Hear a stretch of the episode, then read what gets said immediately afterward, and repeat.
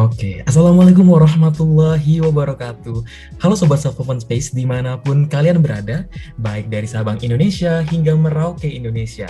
Seneng banget nih balik lagi bareng aku Edgar yang bakal nemenin kalian hari ini tentunya di podcast Self Open Space yang pertama. Semoga teman-teman selalu dalam keadaan sehat ya dan selalu semangat untuk mengupgrade diri. Seperti yang kita tahu juga nih, bahwa pandemi COVID-19 sudah menghentikan banyak banget kegiatan offline kita tapi jangan sedih teman-teman. Semoga hal itu nggak akan menghentikan semangat kita juga untuk terus maju dan tentunya untuk sukses. Sesuai dengan visi dan misi kita juga nih, bahwa di setiap podcast yang Sobat Self Open Space akan dengarkan, banyak banget ngomongin tentang pengembangan diri dan tentunya juga akan memberikan insight-insight baru yang teman-teman bakal dapetin kayak gitu. Di self open space juga kita nggak cuma akan ngebahas tentang pengembangan diri nih teman-teman, tapi kita juga concern terhadap isu-isu kesehatan mental dan juga pengabdian masyarakat. Kali ini Edgar juga nggak akan ngomong sendirian, Edgar nggak akan monolog nih teman-teman. Dari Surabaya kita akan terbang langsung nih ke Kalimantan Timur, khususnya ke kota Balikpapan, salah satu kota yang memiliki moto beriman, bersih, indah, aman, dan nyaman. Oke, jadi sekarang nih kita akan kedatangan salah satu influencer, seorang public speaker juga, dan seorang MC kenamaan kota Balikpapan yang banyak banget menjuarai berbagai perlombaan. Yang paling keren ya, beliau ini pernah memenangkan atau menjuarai The Best Presenter Award Citizen Journalist Academy Indosiar oleh liputan6.com dan Pertamina. Wah, keren banget nggak sih? Keren banget kan ya? Pasti pada penasaran kan siapa dia? Oke, please welcome. Ini dia Rifki CH. Halo Kak Rifki. Halo Edgar, halo semuanya teman-teman dari Self Hopman Space. Hopman Space, ya. Yeah. Kak Rifki apa kabar nih Kak? Baik banget Edgar, kamu gimana? Great, thank you, thank you, thank you. Kita yeah, agak, yeah, agak yeah. bilingual ya pakai bahasa Inggris dan bahasa Indonesia ya. Gak apa-apa dong. Gak apa-apa banget nih. Oh ya Kak Rifki, gimana nih um, Hmm. di tengah COVID-19 kayak gini, kegiatan Kak Rifki apa aja sih? Apalagi di dunia per public speakingan nih. Alright ya, ya seperti kita tahu kan banyak banget kalau di era new normal sekarang um, sibuknya sih alhamdulillah udah ada beberapa event yang lagi running juga dan juga Mhm. udah mulai aktif uh, balik jadi ngelit acara lagi sih gitu. Mm-mm-mm. Selain itu juga di dunia perkuliahan juga masih berjalan ya Kak ya? Masih kalau kuliah, alhamdulillah sudah semester akhir jadi minta doanya teman-teman semoga lekas disegerakan untuk menjadi graduation Iya, Amin, amin, amin, amin. Doain teman-teman Amin. Sobat Open Space di mana pun teman-teman berada. Semoga kita semua dilancarin ya Kak kuliahnya kayak gitu. Bener banget. Nih Kak, kan hari ini kita bakal ngebahas salah satu materi tentang pengembangan diri nih sesuai dengan visi misi Self Open Space. Kita bakal ngomongin tentang public speaking nih Kak Rifki. Nah, public speaking kan em, menurut Edgar ya, menurut yang juga Edgar baca nih, public speaking itu merupakan seni berkomunikasi yang dilakukan secara lisan oleh seseorang kepada banyak orang nih Kak Rifki kayak gitu. Tapi banyak banget orang di luar sana yang masih istilahnya insecure nih Kak Rifki. Kadang takut untuk memulai menjadi seorang public speaker kayak gitu untuk melakukan public speaking. Padahal kan kita contohnya nih sebagai mahasiswa kayak kita kita nih Kak Rifki juga pasti kalau di kelas melakukan presentasi, terus juga paling akan melakukan wawancara dengan siapa pun itu. Kayak gitu kan kita membutuhkan skill public speaking nih Kak Rifki, ya kan? Kalau dari Kak Rifki sendiri nih sebenarnya public speaking itu apa sih gitu? Iya, oke. Thank you Edgar dan juga tentunya buat teman-teman sobat self men space ya. Kalau bicara tentang public speaking, iya benar apa yang kata Edgar bilang tadi bahwa public speaking umumnya merupakan seni berkomunikasi ya, ya secara Hmm. lisan uh, yang dilakukan oleh uh, seseorang dan ditujukan kepada sejumlah orang yang secara langsung gitu yang bertatap muka ya kan. Nah, kalau menurut aku public speaking itu tuh ada seninya, ada the art of public speaking gitu. Sesuai dengan jurnal yang aku pelajari dari Hmm. psikologis kenamaan asal Iran yang berkiprah sebagai profesor emeritus of psychology di University of California, Oke. Dr. Albert Mehrabian ya, sesuai Oh, risetnya. Sesuai risetnya untuk memiliki public speaking yang efektif itu tuh kita harus tahu dulu nih tiga formula atau elemen yang sangat penting dalam komunikasi yang tidak boleh dilupakan dalam memulai public speaking ya gitu. Nah tiga elemennya itu ada tiga V yang ada vokal, verbal dan visual gitu. Vokal, verbal, ya, di mana, dan visual. Mm -mm, benar ya di mana public speaking itu tuh bukan hanya tentang apa yang kita katakan, tapi bagaimana kita mengatakannya dan bagaimana menampilkan ketika saat mengatakannya gitu. Dan kalau boleh dikulik, kita mulai dulu nih dari vokalnya ya Gar ya dan juga teman-teman semuanya. Langsung aja ya kan. Kalau di dalam vokal sendiri itu terdapat banyak elemen sebenarnya Gar. Ada tone of voice, nada suara, kemudian clarity of speech ya kejelasan atau ucapan yang kita ucapkan, kemudian ada volume suara dan juga ada irama dan kecepatan gitu. Nah, kualitas vokal atau nada suara ini tuh sangat mempengaruhi apakah kita ingin mendengarkan seseorang gitu. Jadi misal suara yang bernada semangat, kemudian lantang, ada juga yang lembut gitu kan ada juga yang kasar, ada juga yang males-malesan. Nah, itu tuh bisa banget mempengaruhi persepsi seorang pendengar tentang si pembicara ini, gitu, Gar. Dan kemudian Mm-mm, dan kemudian ada komunikasi verbal tuh ya kan. Nah sebenarnya komunikasi itu tuh terbagi menjadi dua ya teman-teman semuanya. Ada verbal dan non verbal gitu singkatnya. Komunikasi verbal ini tuh merupakan komunikasi yang dilakukan secara lisan maupun tertulis gitu. Untuk yang nonverbal sendiri itu tuh merupakan komunikasi yang dilakukan tidak menggunakan kata-kata tapi menggunakan ekspresi wajah, gerakan, intonasi suara dan kecepatan bicara gitu. Nah, umumnya komunikasi ini tuh uh, terbagi atau terdiri dari satu proses penyampaian informasi ini berupa pesan, ide, gagasan dari suatu pihak ke pihak yang lain untuk mencapai kesamaan makna pesan gitu gar intinya gitu. Apabila komunikasi yang verbalnya nggak efektif nih maka kita menggunakan komunikasi non verbal untuk mendukung suatu interaksi dalam proses komunikasi. Jadi biar jelas.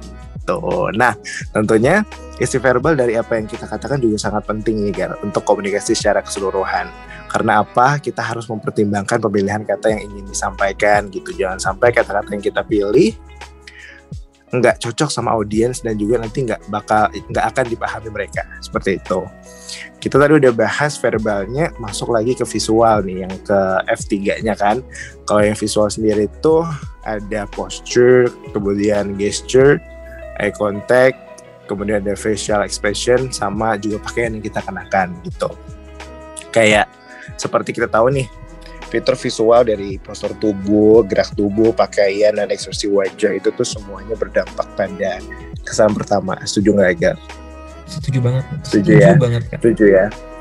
Makanya kenapa nggak jarang orang-orang yang ingin memulai berbicara di depan umum tuh mereka sangat konser banget tentang penampilan mereka. Dari mulai tataan rambut, kemudian juga apa yang mereka gunakan gitu untuk mengutarakan sesuatu itu tuh mereka harus sari, uh, sering melatih diri mereka gitu. Melatih ekspresinya dalam menyampaikan. Kenapa? Karena demi terciptanya tuh kesan kepercayaan antar pembicara dan si pendengar tadi gitu. Untuk kemudian adanya ya, kak, ya? Bener banget. Kemudian akan adanya bahasa tubuh yang sangat memainkan peran terbesar dalam komunikasi personal sih, termasuk public speaking. Gimana bisa kita menjadi pembicara tapi kita nggak prepare dan siap ya kan gitu. Jadi suatu hal atau gerakan yang mungkin sangat sensitif itu juga sangat berpengaruh ketika kita melakukan public speaking gitu sih. Jadi kayak kita harus mempertimbangkan modulitas atau apa ya keselarasan visual, vokal dan verbal saat berkomunikasi dan memastikan bahwa semuanya itu saling mendukung satu sama lain. Gitu sih kalau secara singkatnya ya teman-teman okay. semua. Iya. Teman-teman, tolong dicatat ya teman-teman, tolong didengar. Jadi public speaking itu bukan hanya kita asal ngomong ya teman-teman, bukan hanya teman-teman mm, misalkan ngomongnya cepet itu berarti public speakingnya bagus, belum tentu ya Karifia. Mm. Kita harus yeah. memperhatikan tadi ada tiga V, vokal, verbal hmm. dan visual. Visual, benar gitu, gitu gitu. Nah, Karifki ngomongin hmm. tetap uh, masih ngomongin tentang public speaking nih. Sebenarnya seberapa penting sih Kak public speaking untuk dikuasai terlebih di era milenial kayak gini nih Kak? seberapa penting sih sebenarnya? Alright. Iya iya ya. Kalau menurut aku ya di era milenial sekarang tuh sangat penting ya memiliki kemampuan berkomunikasi yang baik gitu karena hmm. kita tahu kan bahwa uh, sejak dari dulu lah kita tuh udah bersaing dengan orang-orang yang memang memiliki titel yang bagus gitu loh, titel yang banyak S1, S2 dan sebagaimana uh, yang sebagaimana kita tahu gitu kan. Nah, public speaking sendiri atau cara berkomunikasi yang baik itu sebenarnya dibutuhkan, sangat-sangat dibutuhkan gitu apalagi untuk kita dan teman-teman fresh graduate gitu. Bagaimana kita tahu untuk mempresentasikan diri kita dengan menggunakan uh, public speaking skills gitu. Karena kita tahu kan bahwa sebenarnya apabila kita memiliki cara berkomunikasi yang baik, kita otomatis juga tahu bagaimana cara uh, memulai obrolan mungkin dari ke teman ataupun ke orang yang lebih tua seperti itu. Jadi aku rasa um, memiliki komunikasi yang baik itu sangat dibutuhkan untuk sekarang dan kapan pun hingga seterusnya. Berarti public speaking ini merupakan basic ya kak, hal basic yang harus memang kita miliki dan harus kita pelajari biar kita kalau berkomunikasi dengan orang lain baik itu yang lebih tua, yang setara ataupun lebih muda kita bisa menempatkan diri nih kayak gitu ya kan kak kurang lebihnya. Betul banget. Nah, kalau misalnya nih kak, tadi kan gunanya buat kita dapat berinteraksi dengan orang lain.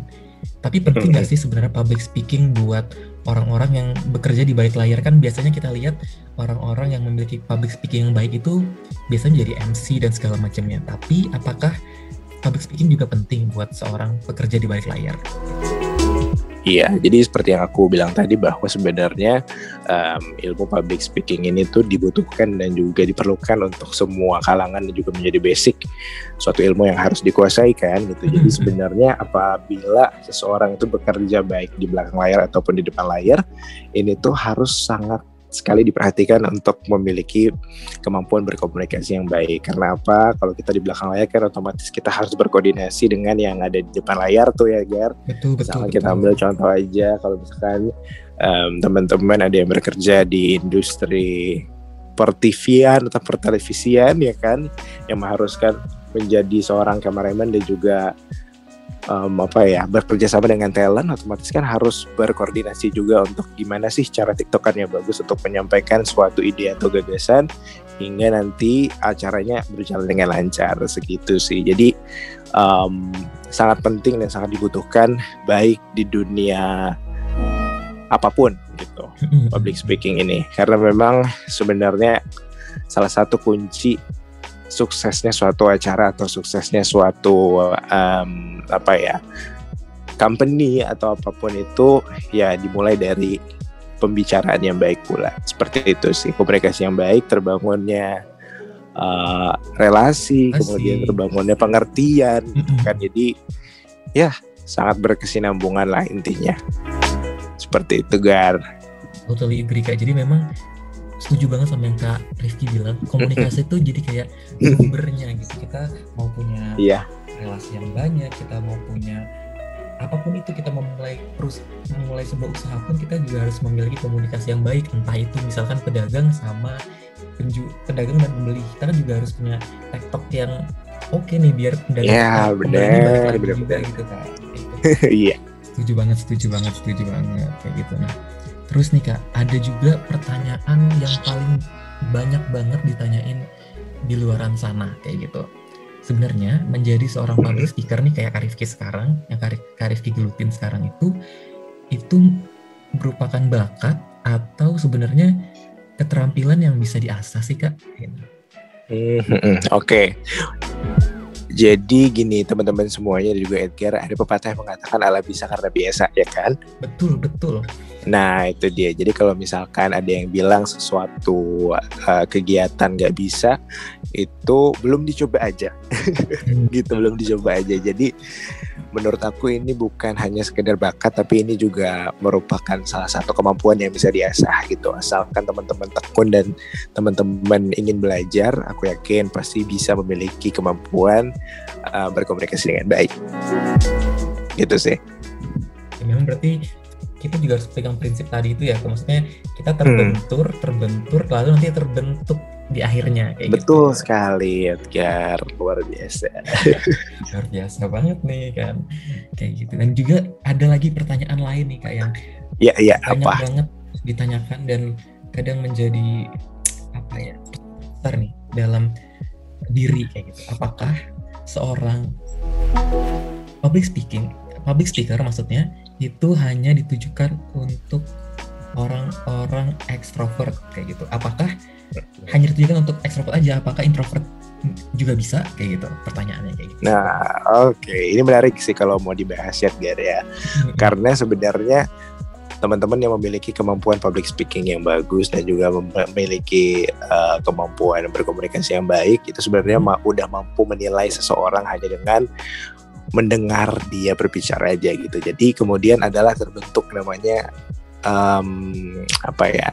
karakteristik pribadi masing-masing kan yang di mana hmm. kalau misalkan seperti yang Edgar bilang tadi seorang ekstrovert aja yang mampu memiliki kemampuan public speaking yang bagus tapi ternyata jawabannya adalah enggak juga dan enggak sama sekali gitu kadang ada juga plus dan minusnya dari masing-masing karakteristik ini Gar kalau dari extrovert sendiri nih ya hmm, sesuai dengan pengalaman aku banget nih. Aku kan anaknya extrovert banget jadi mana aku selalu ya. suka banget namanya yang uh, menjadi center of attention istilahnya gitu ya kan?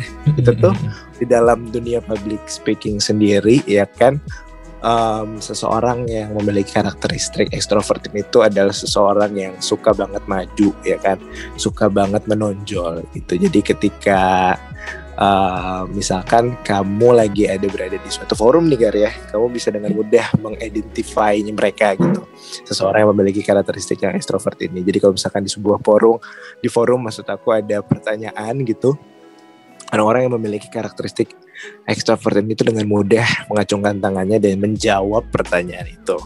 Gitu. Jadi uh, itu kelebihannya ya. Kemudian ada juga kekurangannya gitu teman-teman.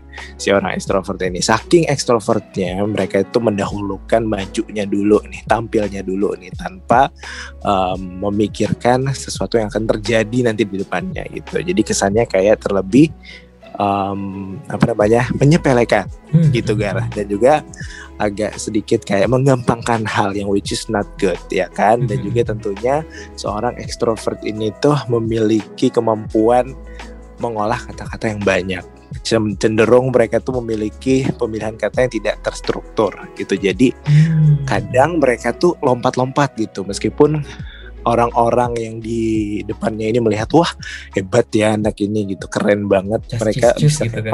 banget gitu ya kan untuk mengutarakan. Tapi kadang-kadang and somehow in some part mereka tuh kayak ngeblundel gitu sampai blundel tuh kayak uh, bolak-balik lah gitu. Ngomongnya nggak struktur. Aja gitu, terstruktur itu gitu. itu aja gitu, nggak struktur dan juga tentunya sesuai pengalaman aku ya kan untuk mengatasinya aku tuh simply kayak bikin notes dulu nih orang untuk orang yang extrovertnya bikin notes dulu kemudian highlight untuk apa yang ingin disampaikan gitu kan kemudian cari pemilihan kata yang tidak boros gitu sih untuk bisa menyempurnakan penampilan di depan umum tadi. Karena apa?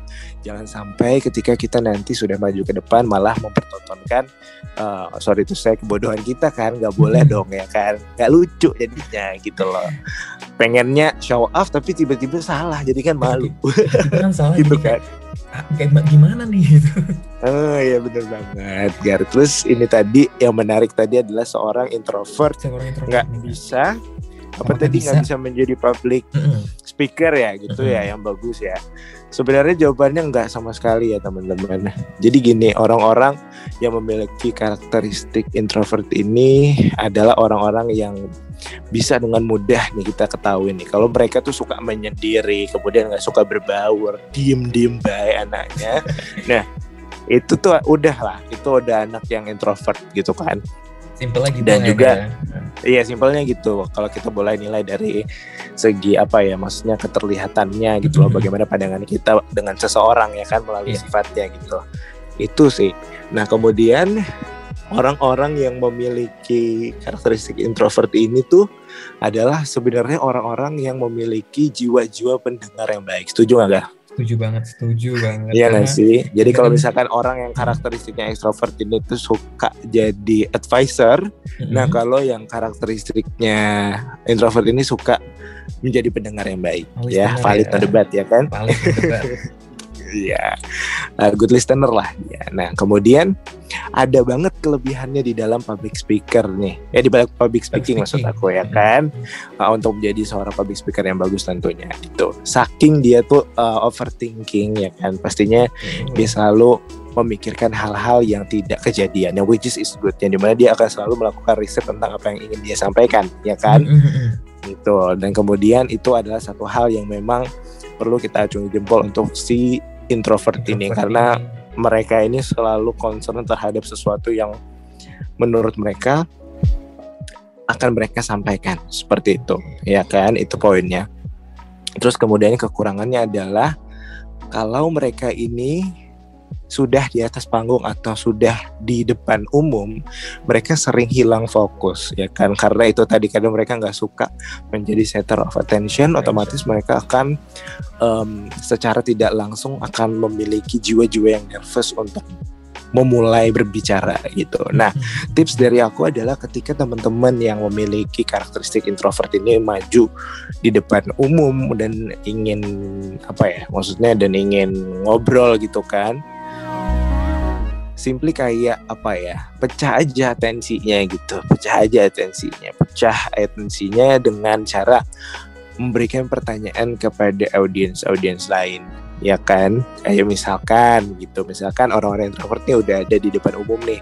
Terus kemudian tiba-tiba dia gugup ya kan? Ya udah simpel aja kasih pertanyaan ke audiens kayak halo bapak apa kabar? Halo ibu gimana hari ini? Gitu semangat ya. Gitu. Misalkan gitu gitulah pertanyaan seperti itu. Karena apa? Ketika kita menanyakan sesuatu dan melemparkan pertanyaan kepada audiens otomatis uh, center of attentionnya tuh udah nggak seperti lagi kita gitu, gitu. Uh, uh, nggak nggak nggak nggak ke dia lagi gitu ya kan. Udah langsung terpecah ke ibu yang satu lah mungkin jawabnya. Agak nggak apa ya maksudnya kan? agak nggak lucu. Iya mungkin ada yang satu juga agak gagu-gagu gitu kan. Jadi kayak lebih enjoy di atas panggung sih. Lebih enjoy jadinya gitu. Kemudian ada lagi satu saran nih kan karena dia saking overthinker eh, overthinkernya ya kan. Jadi mereka tuh suka kadang nggak fokus juga gitu kadang nggak percaya diri langsung gitu langsung hmm, tiba-tiba hmm. insecure gitu karena ketika uh, orang-orang introvert dan insecure udahlah langsung blank jadinya gitu kan nah yang aku ingin berikan saran adalah tanamkan selalu afirmasi positif bahwa mereka itu bisa gitu ya kan? Bahwa mereka itu hmm. mampu gitu loh. Kemudian simply dengan menggunakan pakaian yang mereka suka contohnya atau warna gitu ya kan? Seperti yang aku bilang tadi dimention ke depan bahwa bahwa sebenarnya untuk menjadi public speaker dan juga memulai public speaking yang baik itu adalah ada tiga hal tadi kan vokal verbal dan juga visual. Nah ini sangat penting visual kita gitu. jadi ketika mereka memakai pakaian yang mereka suka ataupun warna yang mereka suka harapannya bisa ngebus confidence-nya mereka gitu. Jadi biar kayak wah gue ganteng nih wah gue cantik udah pakai warna ini nih aman lah pokoknya semua yang gitu. lah ya di situ gitu kan gak ada yang lebih iya, daripada gue nih gitu.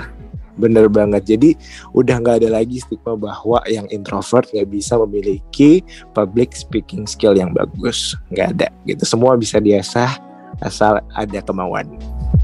Ya gitu teman-teman. Jadi memang uh, baik ekstrovert maupun introvert pun kita punya plus sama minusnya sendiri-sendiri kayak gitu.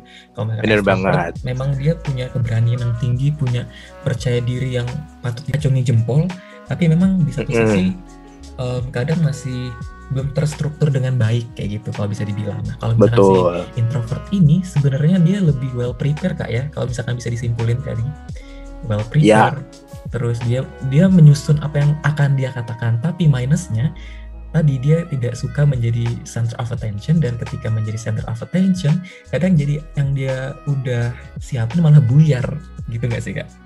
Bener banget itulah tadi. Ya kan makanya kalau misalkan kita ingin maju ke depan ya berlatih terus gitu kan. Sama halnya yang juga udah expert di public speaking atau di menjadi public speaker juga perlu latihan terus nih. Kayak aku juga selalu upgrade knowledge aku gar maksudnya selalu uh, sering mengikuti pelatihan kemudian sering lihat-lihat apa ya maksudnya uh, memberikan insight-insight yang memang sesuai dengan passion aku gitu. Jadi nggak nggak nggak sering ataupun misalkan uh, gimana ya maksudnya nggak sering aku tuh selalu nonton kembali video yang selalu aku putar di YouTube gitu. Misalkan untuk bagaimana cara overcome insecurities gitu kan. Aku juga dapetinnya dari TED Talk or anything gitu. Jadi semuanya itu adalah pembelajaran yang di mana kita harus selalu mengupgrade knowledge kita biar kita tuh nggak apa ya nggak stuck di situ-situ aja situ -situ gitu.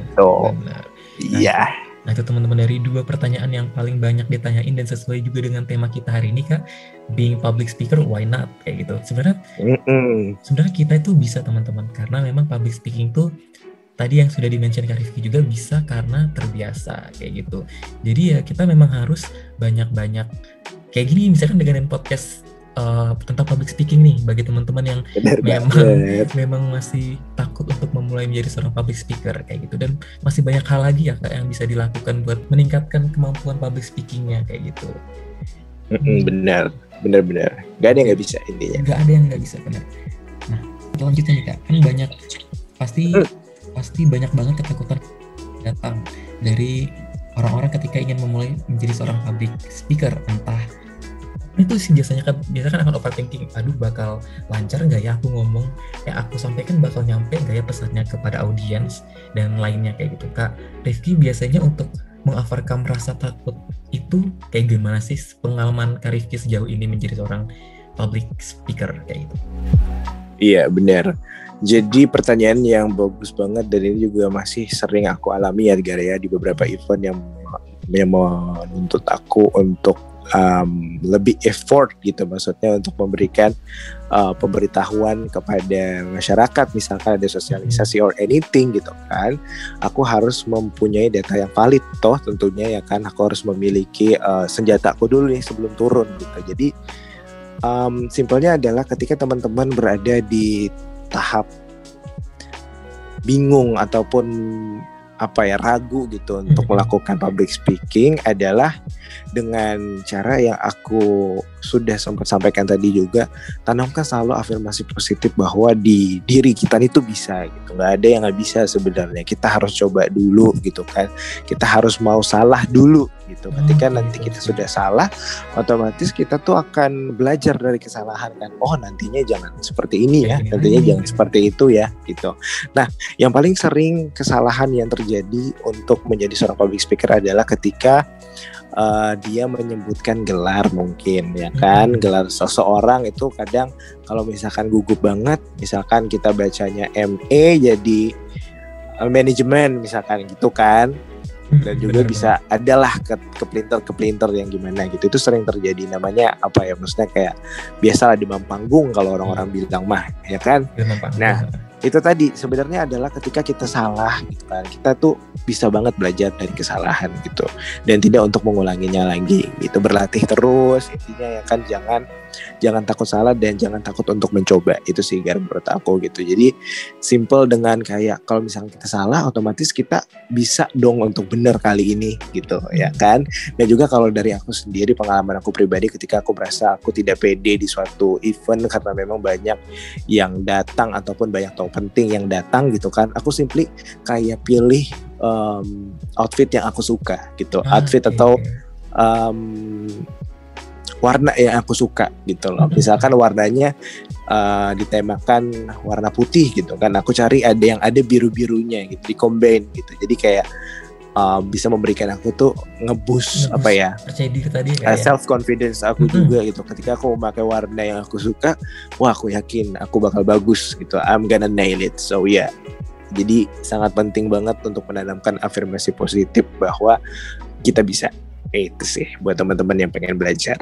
Mantap So itulah teman-teman beberapa tips and trick dari Karki tentang bagaimana sih Iya iya iya. buat nge-overcome rasa takut. Karena masih banyak banget nih kak. Apalagi uh, termasuk juga Edgar gitu. Edgar juga kadang masih takut banget buat memulai sesuatu. Kadang hmm. kepikiran takut salah dan segala macam. Tapi sebenarnya salah itu merupakan awal dari keberhasilan kita kan. Kita nggak tahu Betul sekali. kita nggak tahu ini benar apa salah kalau misalkan gak ada sisi salah ini dulu kayak gitu dan juga ya, benar. dan juga harus tanamkan afirmasi positif kalau kamu itu bisa bisa bisa karena tadi kita ter, kita bisa karena terbiasa sama yang udah Rifki sampaikan sebelumnya tadi kayak gitu. Nah ngomong-ngomong tentang persiapan nih Kak Rifki. Tadi kan Kak Rifki juga katanya persiapannya ya research dulu dan segala macamnya kan biar nggak takut untuk mengoverkan tadi ke overthinkingan tadi. Kalau Kak Rifki sendiri sebenarnya dalam mempersiapkan materi public speaking nih, biasanya Kak Rifki itu lebih dominan apa nih? Membaca, mencatat aja atau mengingat aja nih? Kalau Kak Rifki, hmm, um, yeah. yang mana dan kalau menurut Kak Rifki efektif yang mana sih sebenarnya kayak gitu?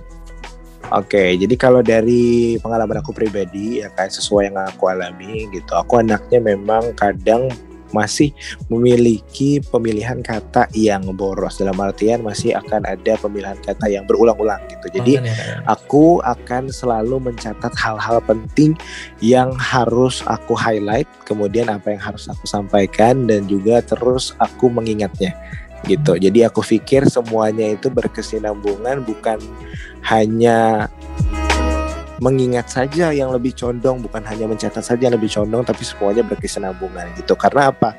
Ketika kita sudah yakin kita memiliki pelurunya nih ya misalkan bahannya dan juga datanya kita pasti yakin banget akan mengatakannya kepada orang-orang gitu ya kan nah ketika kita sudah mengingat sesuatu hal yang memang misalkan di briefing ataupun eh, digeladikan pada Hamin satu sebelum acara otomatis kita bakal bisa improve nantinya dengan uh, dengan tenang gitu. Jadi hmm. habis setelah ini apa ya habis setelah ini oh ini gitu. Jadi ketika ada nanti insiden-insiden yang tidak kita inginkan terjadi, misalkan hmm. ada perubahan rundown, kita sudah ingat nih akan mengomong apa gitu, akan menyampaikan apa seperti itu sih.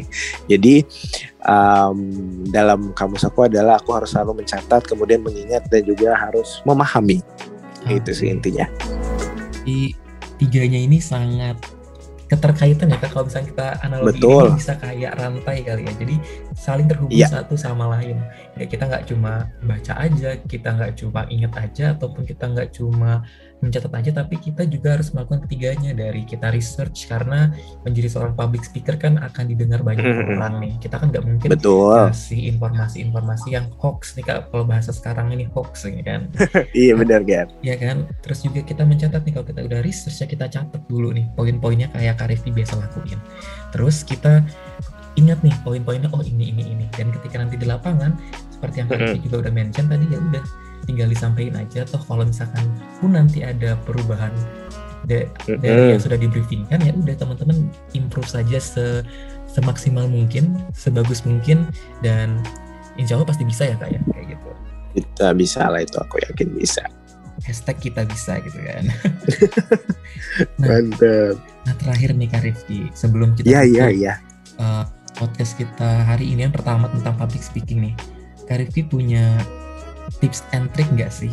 Tips and trick lagi nih kak ya untuk teman-teman yang mungkin nantinya akan terjun di dunia public speaking misalnya mau jadi seorang MC juga nih kayak Kak Rizky atau mungkin yeah. mau jadi pembawa acara uh, pembawa berita kayak gitu kan banyak banget yang mau jadi news anchor kan mungkin Kak Rizky ada tips and trick nggak sih buat bisa terjun seperti itu Oke, buat teman-teman semuanya yang lagi dengar ini ya kan. Jadi kalau ditanya tips and trick itu aku akan berbicara dan berangkat dari pengalaman aku sendiri Edgar gitu. Jadi um, all I can say it's simply by knowing yourself and your personality first. Karena yang itu aku lakukan gitu kan.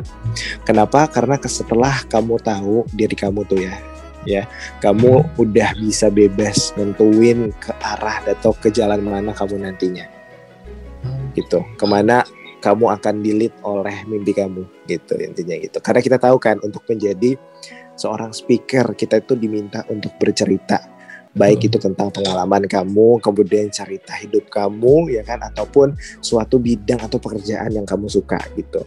Jadi intinya kita itu berangkat dari beberapa background gitu kan. Kita juga mengalami up and downs yang ada di dunia perkembangan hidup ini ya kan. Jadi bagaimana hmm. kamu bisa memilih cerita mana kira-kira yang cocok untuk kamu bawa dan akan menjadi inspirasi untuk orang lain gitu gimana bisa gitu loh kita ini menjadi seorang public speaker yang baik ketika kita itu nggak tahu diri kita sendiri gitu kan nggak tahu uh, cerita apa yang ingin dibawakan kemudian nggak tahu pekerjaan apa yang ingin kita apa ya maksudnya ingin kita sukai gitu ya kan karena semuanya itu berawal dari um, dengan mengenal diri sendiri ini.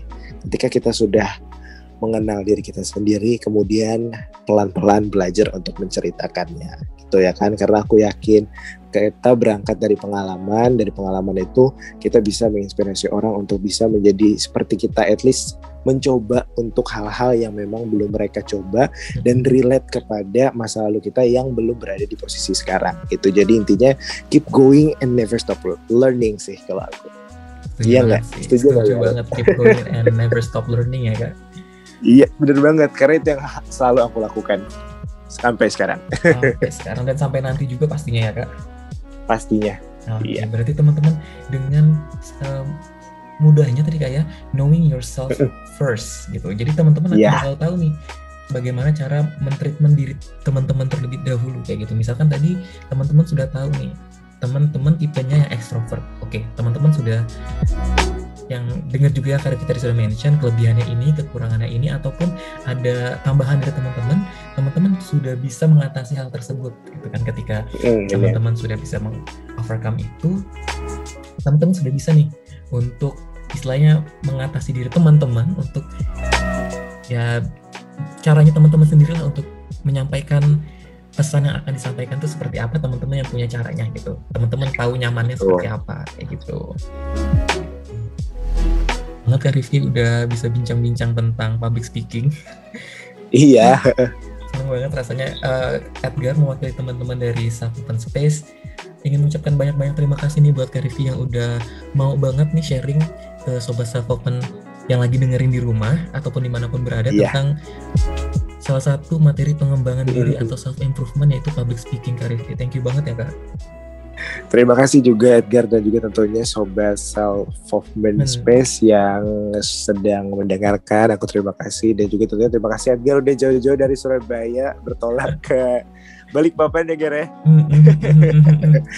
Iya, intinya satu lagi Ger buat teman-teman uh, self of man space yang sobat teman-teman semua di rumah gitu kan. Intinya adalah ketika kita menginginkan sesuatu, kita harus bersedia untuk belajar akan hal yang ingin kita dapatkan gitu. Ketika kita sudah belajar, ketika kita sudah sukses dengan apa yang kita sudah uh, gapai gitu kan, jangan cepat puas gitu. Hmm. Intinya selalu um, menjadi orang yang ingin mendapatkan insight, kemudian ingin mengupgrade diri seperti yang kita lakukan sekarang gitu.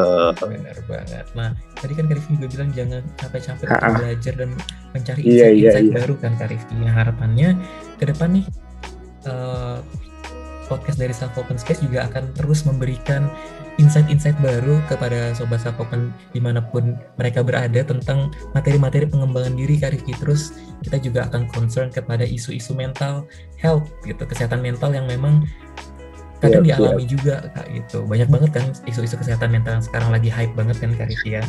Iya, gitu. iya.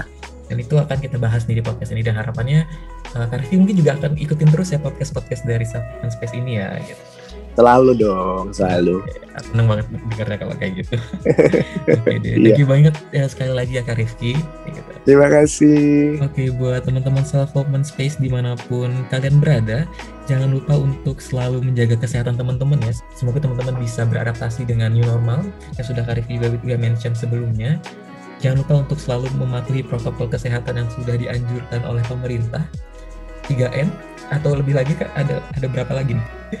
Pokoknya, Sekarang jadi lima kali ya Ger ya. Oke, banyak banget karena kita udah kita udah berhidup ya, dengan COVID. kesehatan lah ya. Iya, pokoknya menjaga kesehatan lah ya. Intinya kayak gitu dan terus nantikan podcast-podcast seru lainnya bersama Open Space dan aku Edgar. Pamit undur diri. Bye bye. Assalamualaikum warahmatullahi wabarakatuh.